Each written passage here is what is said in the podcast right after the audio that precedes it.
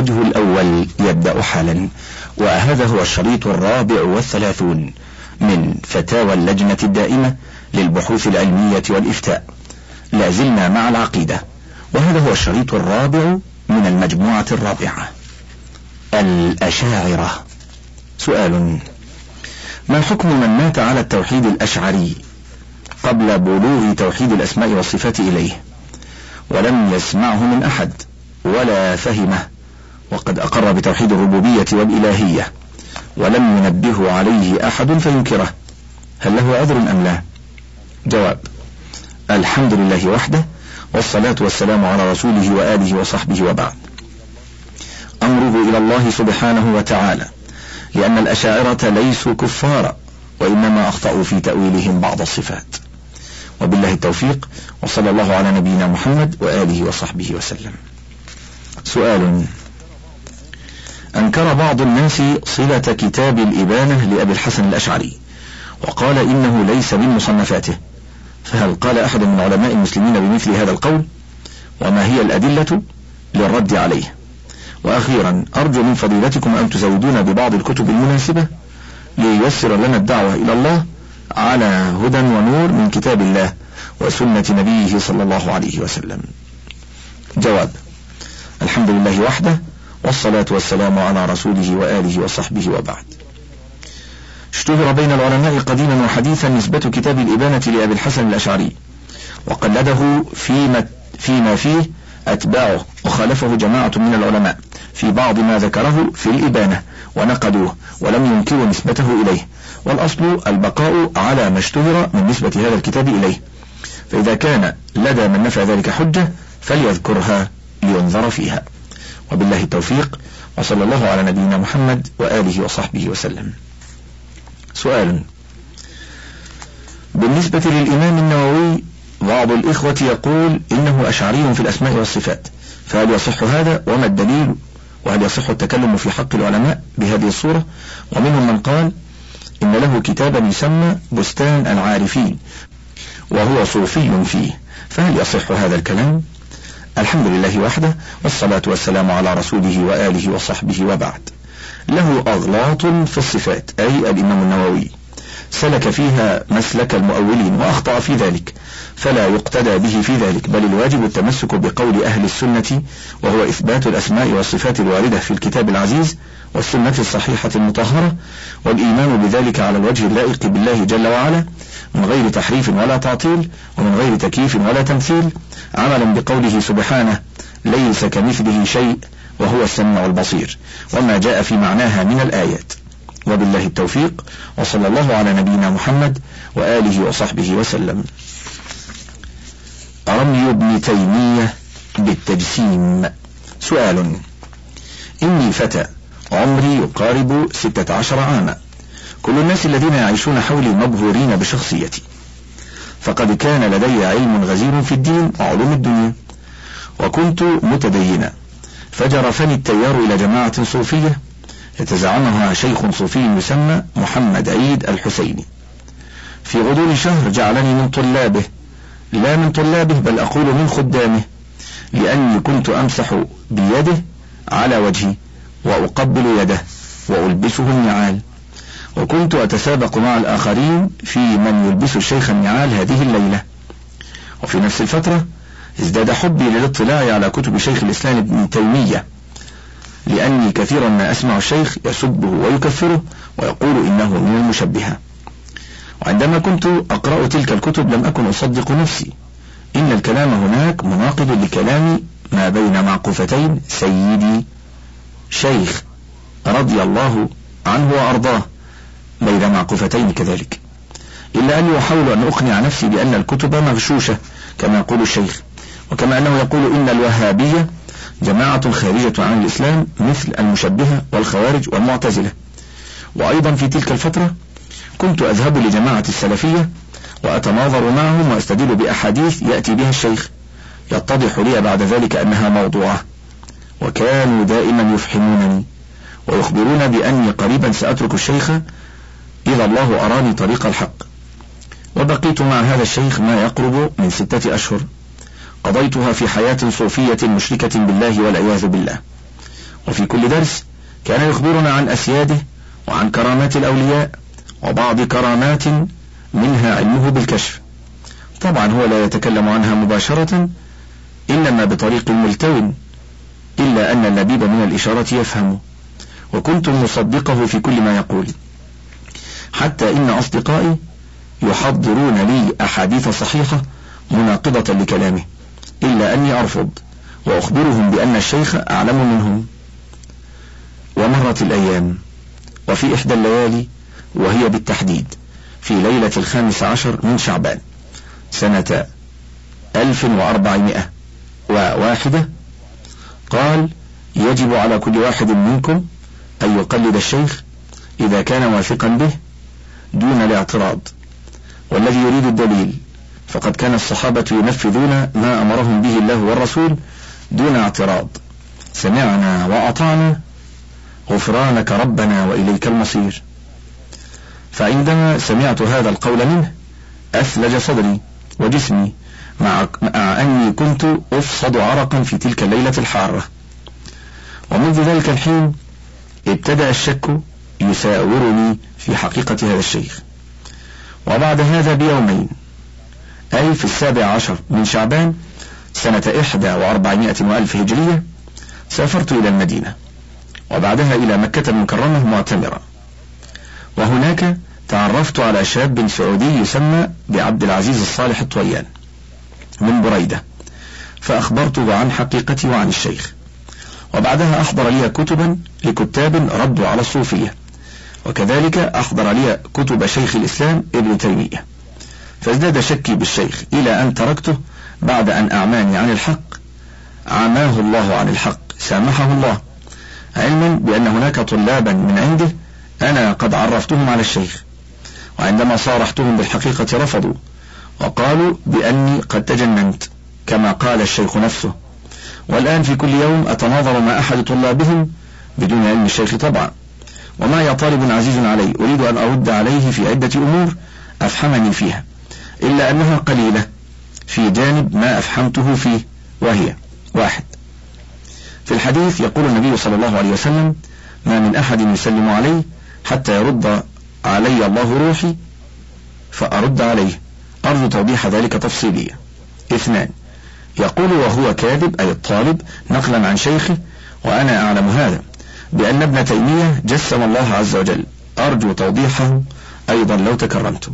ثلاثة. عن الأولياء وعندي علم ولله الحمد بهذا كثير. إلا أنه قليل بجانب علمكم أدامكم الله وأبقاكم حماة للإسلام والمسلمين. جواب. الحمد لله وحده والصلاة والسلام على رسوله وآله وصحبه وبعد. إن ما ذكره الطالب المناظر لك من أن شيخ الإسلام ابن تيمية مجسم بهتان على الشيخ رحمه الله وكذب عليه. وعقيدة الشيخ عقيدة سلف هذه الأمة الإيمان بالله وبأسمائه وصفاته ووصف الله بما وصف الله به نفسه أو وصفه به رسوله صلى الله عليه وسلم من غير تحريف ولا تعطيل ولا تكييف ولا تمثيل. وهذا واضح في رسائله ومؤلفاته كالعقيدة الواسطية والرسالة التدمرية وغيرهما. ولكن أهل البدع كالجهمية والمعتزلة يرمون من أثبت الصفات لله على الوجه اللائق به ويسمونه مجسما ومشبها. وهكذا الأشاعرة يرمون من خالفهم فيما تأولوه من الصفات بأنه مجسم. ونظرا إلى أن التجسيم لم يرد في النصوص نفيه ولا إثباته فلا يجوز للمسلم نفيه ولا إثباته. لأن الصفات لأن الصفات توقيفية. وأما حديث أبي هريرة رضي الله عنه عند أبي داود ما من أحد يسلم علي إلا رد الله علي روحي حتى أرد عليه السلام فسبق منا فتوى في معنى هذا الحديث برقم ثلاثة وثمانين وثلاثمائة وأربعة آلاف. هذا نصها. سؤال في حياة النبي صلى الله عليه وسلم أكان النبي صلى الله عليه وسلم حيا في قبره الشريف؟ بإعادة الروح في الجسد والبدن أي العنصرية بحياة دنيوية حسية أو حيا في أعلى عليين بحياة أخروية برزخية بلا تكليف كما قال النبي صلى الله عليه وسلم حين حضره الموت. عزيز المستمع جاءت اللفظة بلا تكليف ولعله يقصد بلا تكييف والله أعلم. كما قال النبي صلى الله عليه وسلم حين حضره الموت اللهم بالرفيق الأعلى. وجسده المنور الآن كما وضع في قبر بلا روح والروح في أعلى عليين. واتصال الروح بالبدن والجسد المعطر عند يوم القيامة كما قال الله تعالى وإذا النفوس زوجت. جواب إن نبينا محمدا صلى الله عليه وسلم حي في قبره حياة برزخية يحصل بها التنعم في قبره بما أعده الله له من النعيم. جزاء له على أعماله العظيمة الطيبة التي قام بها في دنياه. عليه من ربه أفضل الصلاة والسلام. ولم تعد إليه روحه ليصير حيا كما كان في دنياه. ولم تتصل به وهو في قبره. اتصالا يجعله حيا كحياته يوم القيامة. بل هي حياة برزخية وسط بين حياته في الدنيا وحياته في الآخرة. وبذلك يعلم أنه قد مات كما مات غيره ممن سبقه من الأنبياء وغيرهم. قال الله تعالى وما جعلنا لبشر من قبلك الخلد أفإن مت فهم الخالدون؟ وقال كل من عليها فان ويبقى وجه ربك ذو الجلال والإكرام. وقال إنك ميت وإنهم ميتون. إلى أمثال ذلك من الآيات الدالة على أن الله قد توفاه إليه. ولأن الصحابة رضي الله عنهم قد غسلوه وكفنوه وصلوا عليه ودفنوه. ولو كان حيا حياته الدنيوية ما فعلوا به ما يفعل بغيره من الأموات. ولأن فاطمة رضي الله عنها قد طلبت إرثها من أبيها صلى الله عليه وسلم لاعتقادها بموته. ولم يخالفها في ذلك الاعتقاد أحد من الصحابة. بل أجابها أبو بكر رضي الله عنه بأن الأنبياء لا يورثون. ولأن الصحابة رضي الله عنهم قد اجتمعوا لاختيار خليفة للمسلمين يخلفه وتم ذلك بعقد الخلافة لأبي بكر رضي الله عنه. ولو كان حيا كحياته في دنياه لما فعلوا ذلك فهو إجماع منهم على موته. ولأن الفتن والمشاكل لما كثرت في عهد عثمان وعلي رضي الله عنهما وقبل ذلك وبعده لم يذهبوا إلى قبره لاستشارته أو سؤاله في المخرج من تلك الفتن والمشاكل وطريقة حلها. ولو كان حيا كحياته في دنياه لما أهملوا ذلك وهم في ضرورة إلى من ينقذهم مما أحاط بهم من البلاء. أما روحه فهي في أعلى عليين لكونه أفضل الخلق وأعطاه الله الوسيلة وهي أعلى منزلة في الجنة عليه الصلاة والسلام. سؤال هل يسمع النبي صلى الله عليه وسلم كل دعاء ونداء عند قبره الشريف؟ أو صلوات خاصة حين يصلى عليه كما في الحديث من صلى علي عند قبري. سمعته؟ إلى آخر الحديث. هذا الحديث صحيح أو ضعيف أو موضوع على رسول الله صلى الله عليه وسلم. جواب الأصل أن الأموات عموما الأصل أن الأموات عموما لا يسمعون نداء الأحياء من بني آدم ولا دعاءهم كما قال تعالى وما أنت بمسمع من في القبور ولم يثبت في الكتاب ولا في السنة الصحيحة. ما يدل على أن النبي صلى الله عليه وسلم يسمع كل دعاء أو نداء من البشر حتى يكون ذلك خصوصية له. وإنما ثبت عنه صلى الله عليه وسلم أنه يبلغه صلاة وسلام ما يصلي ويسلم عليه فقط سواء كان من يصلي عليه عند قبره أو بعيدا عنه كلاهما سواء في ذلك. لما ثبت عن علي بن الحسين بن علي رضي الله عنهم أنه رأى رجلا يجيء إلى فرجة كانت عند قبر النبي صلى الله عليه وسلم فيدخل فيدعو فنهاه وقال ألا أحدثكم حديثا؟ سمعته من أبي عن جدي عن رسول الله صلى الله عليه وسلم أنه قال لا تتخذوا قبري عيدا ولا بيوتكم قبورا وصلوا علي فإن تسليمكم يبلغني أين كنتم. أما حديث من صلى علي عند قبري سمعته ومن صلى علي بعيدا بلغته فهو حديث ضعيف عند أهل العلم. وأما ما رواه أبو داود بإسناد حسن عن أبي هريرة رضي الله عنه أن النبي صلى الله عليه وسلم قال ما من أحد يسلم علي إلا رد الله علي روحي حتى أرد عليه السلام فليس بصريح أنه يسمع سلام المسلم بل يحتمل أنه يرد عليه إذا بلغته الملائكة ذلك. ولو فرضنا سماعه سلام المسلم لم يلزم منه أن يلحق به غيره من الدعاء والنداء. سؤال. نداء ودعاء النبي صلى الله عليه وسلم في كل حاجة والاستعانة به في المصائب والنوائب من قريب أعني عند قبره الشريف أو من بعيد. أشرك قبيح أم لا؟ جواب. دعاء النبي صلى الله عليه وسلم ونداؤه والاستعانة به بعد موته في قضاء الحاجات وكشف الكربات شرك أكبر يخرج من ملة الإسلام سواء كان ذلك عند قبره أم بعيدا عنه. كأن يقول يا رسول الله اشفني أو رد غائبي أو نحو ذلك. لعموم قوله تعالى وأن المساجد لله فلا تدعوا مع الله أحدا وقوله عز وجل ومن يدع مع الله إلها آخر لا برهان له به فإنما حسابه عند ربه إنه لا يفلح الكافرون وقوله عز وجل ذلكم الله ربكم له الملك والذين تدعون من دونه ما يملكون من قطمير إن تدعوهم لا يسمعوا دعاءكم ولو سمعوا ما استجابوا لكم ويوم القيامة يكفرون بشرككم ولا ينبئك مثل خبير. سؤال أي صلوات أفضل عند قبره الشريف؟ أعني الصلاة والسلام عليك يا رسول الله أو اللهم صل على محمد وعلى آل محمد بصيغة الطلب. وهل ينظر النبي صلى الله عليه وسلم إلى الرجل الذي يصلي عليه عند قبره الشريف؟ وهل أخرج النبي صلى الله عليه وسلم يده من قبره الشريف لأحد من الصحابة العظام أو الأولياء الكرام لجواب السلام؟ جواب لم يثبت عن النبي صلى الله عليه وسلم فيما نعلم صيغة معينة في الصلاة والسلام عليه عند قبره فيجوز أن يقال عند زيارته الصلاة والسلام عليك يا رسول الله. فإن معناها الطلب والإنشاء وإن كان اللفظ خبرا ويجوز أن يصلى عليه بالصلاة الإبراهيمية. فيقول اللهم صل على محمد. والأفضل أن يسلم عليه بصيغة الخبر كما يسلم على بقية القبور. ولأن ابن عمر رضي الله عنهما كان إذا زاره يقول السلام عليك يا رسول الله السلام عليك يا أبا بكر السلام عليك يا أبتاه.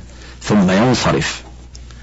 أما بالنسبة للنقطة التي بعدها فلم يثبت في كتاب ولا سنة صحيحة أن النبي صلى الله عليه وسلم يرى من زار قبره والأصل عدم الرؤية حتى يثبت ذلك بدليل من الكتاب أو السنة.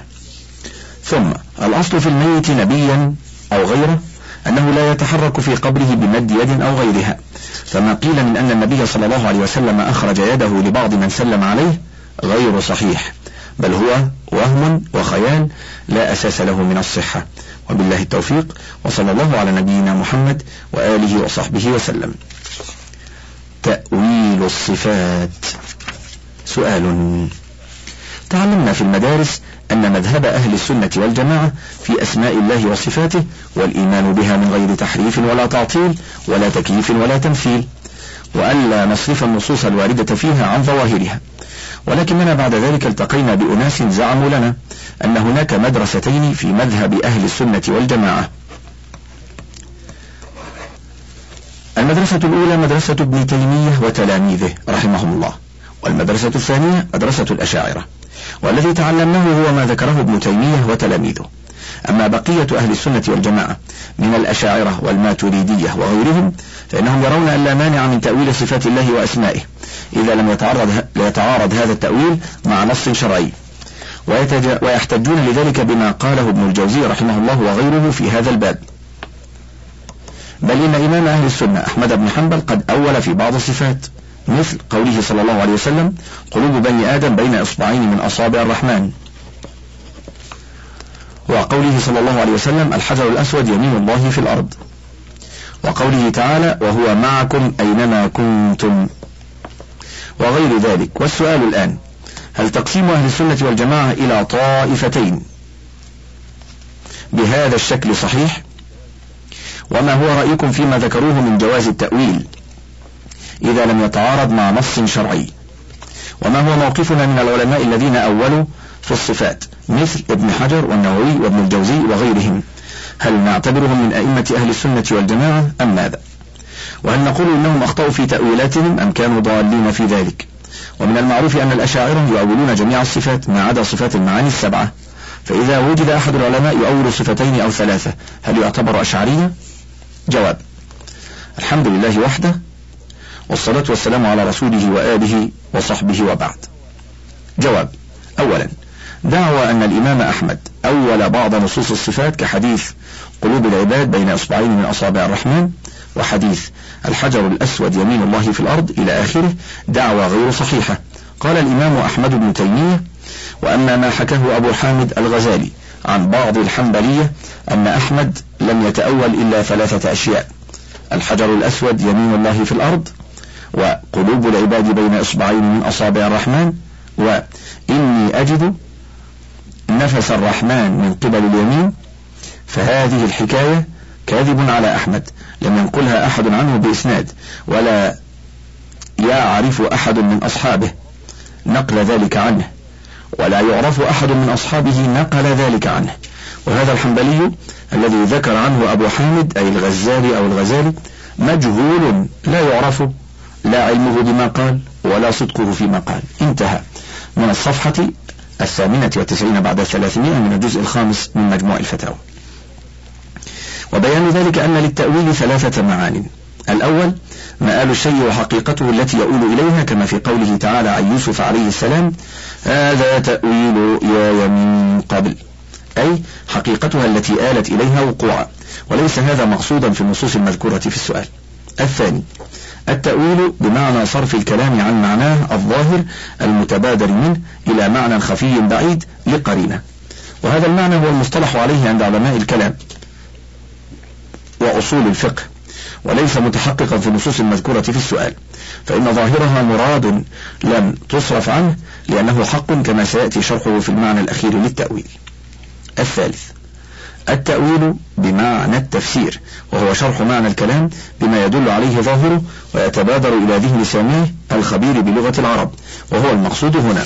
فإن جملة الحجر الأسود يمين الله في الأرض ليس ظاهرها أن الحجر صفة لله وأنه يمينه حتى يصرف عنه بل معناه الظاهر منه أنه كيمينه بدليل بقية الأثر وهو جملة فمن صافحه فكأنما صافح الله ومن قبله فكأنما قبل يمين الله. فمن ضوى فمن ضم أول الأثر إلى آخره تبين له أن ظاهره مراد لم يصرف عنه أنه حق. وهذا ما يقوله أئمة السلف كالإمام أحمد وغيره منهم. وهو تأويل بمعنى التفسير لا بمعنى صرف الكلام عن ظاهره كما زعمه المتأخرون. علما بأن ما ذكر لم يصح حديثا عن النبي صلى الله عليه وسلم بل هو أثر عن ابن عباس رضي الله عنهما. وكذا القول في حديث قلوب العباد بين إصبعين من أصابع الرحمن. فإن ظاهره لا يدل على مماسة أو مداخلة ولا مداخلة وإنما يدل ظاهرها على إثبات أصابع للرحمن حقيقة وقلوب للعباد حقيقة ويدل إسناد أحد ركني الجملة إلى الآخر على كمال قدرة الرحمن وكمال تصريفه لعباده. كما يقال فلان وقف بين يدي الملك أو في قبضة يد الملك.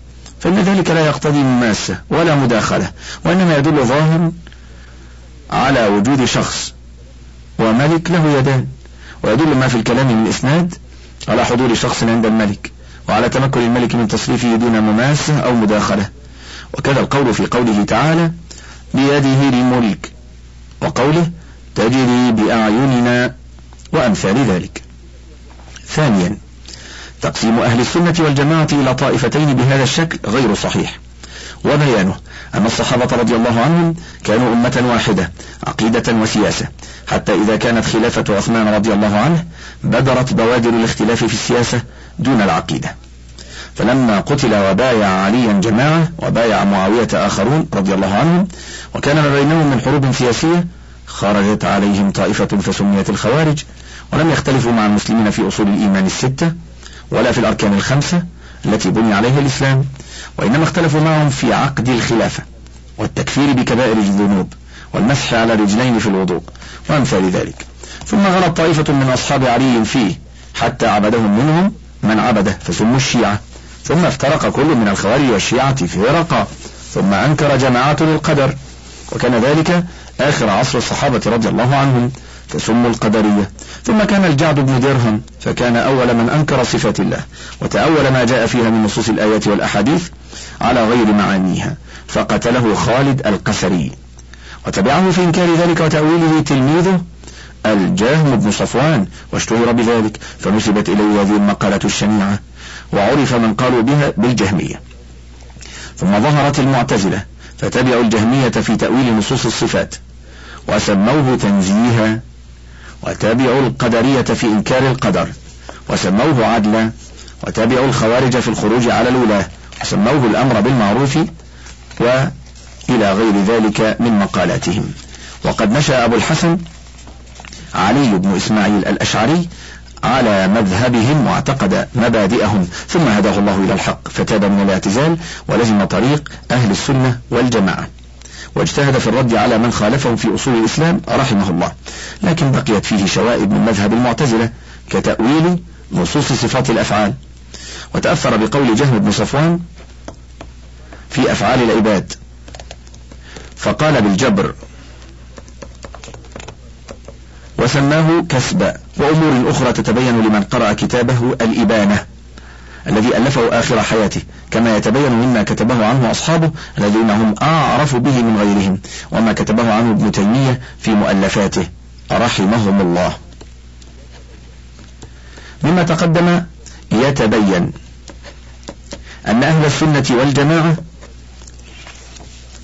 حقا هم الذين اعتصموا بكتاب الله تعالى وسنة نبيهم صلى الله عليه وسلم في عقائدهم وسائر أصول دينهم ولم يعارضوا نصوصهما بالعقل أو الهوى وتمسكوا بما كان عليه الصحابة رضي الله عنهم من دعائم الإيمان وأركان الإسلام فكانوا أئمة الهدى ومنار الحق ودعاة الخير والفلاح كالحسن البصري وسعيد بن المسيب ومجاهد وأبي حنيفة ومالك والشافعي والأوزاعي وأحمد وإسحاق والبخاري ومن سلك سبيلهم والتزم نهجهم عقيدة واستدلالا. أما هؤلاء الذين خرجوا عنهم في مسائل من أصول الدين ففيهم من السنة بقدر ما بقي لديهم مما وافقوا فيه الصحابة رضي الله عنهم وأئمة الهدى من مسائل أصول الإسلام. وفيهم من البدع والخطأ بقدر ما خالفوهم فيه من ذلك قليلا كان أو كثيرا. وأقربهم إلى أهل السنة والجماعة أبو الحسن الأشعري ومن تبعه عقيدة واستدلالا. وبهذا يعرف أنه ليس لأهل السنة والجماعة مدرستان إنما هي مدرسة واحدة. يقوم بنصرتها والدعوة إليها من سلك طريقهم. وابن تيمية ممن قام بذلك ووقف حياته عليه. وليس هو الذي أنشأ هذه الطريقة بل هو متبع لما كان عليه أئمة الهدى من الصحابة ومن تبعهم من علماء القرون الثلاثة التي شهد لها النبي صلى الله عليه وسلم بالخير. وكذلك مناظروه إنما قاموا بنصر مذهب من قلدوه. ممن انتسب إلى أهل السنة والجماعة كأبي الحسن الأشعري وأصحابه بعد أن راجع عن الاعتزال وسلك طريق أهل السنة إلا في قليل من المسائل ولذا كان أقرب إلى طريقة أهل السنة والجماعة من سائر الطوائف. ثالثا من تأول من الأشعرية ونحوهم نصوص الأسماء والصفات إنما تأولها لمنافاتها الأدلة العقلية وبعض النصوص الشرعية في زعمه. وليس الأمر كذلك. فإنها ليس فيها ما ينافي العقل الصريح وليس فيها ما ينافي النصوص. فإن نصوص الشرع في أسماء الله وصفاته يصدق بعضها بعضا مع كثرتها في إثبات أسماء الله وصفاته على الحقيقة وتنزيهه سبحانه عن مشابهة خلقه.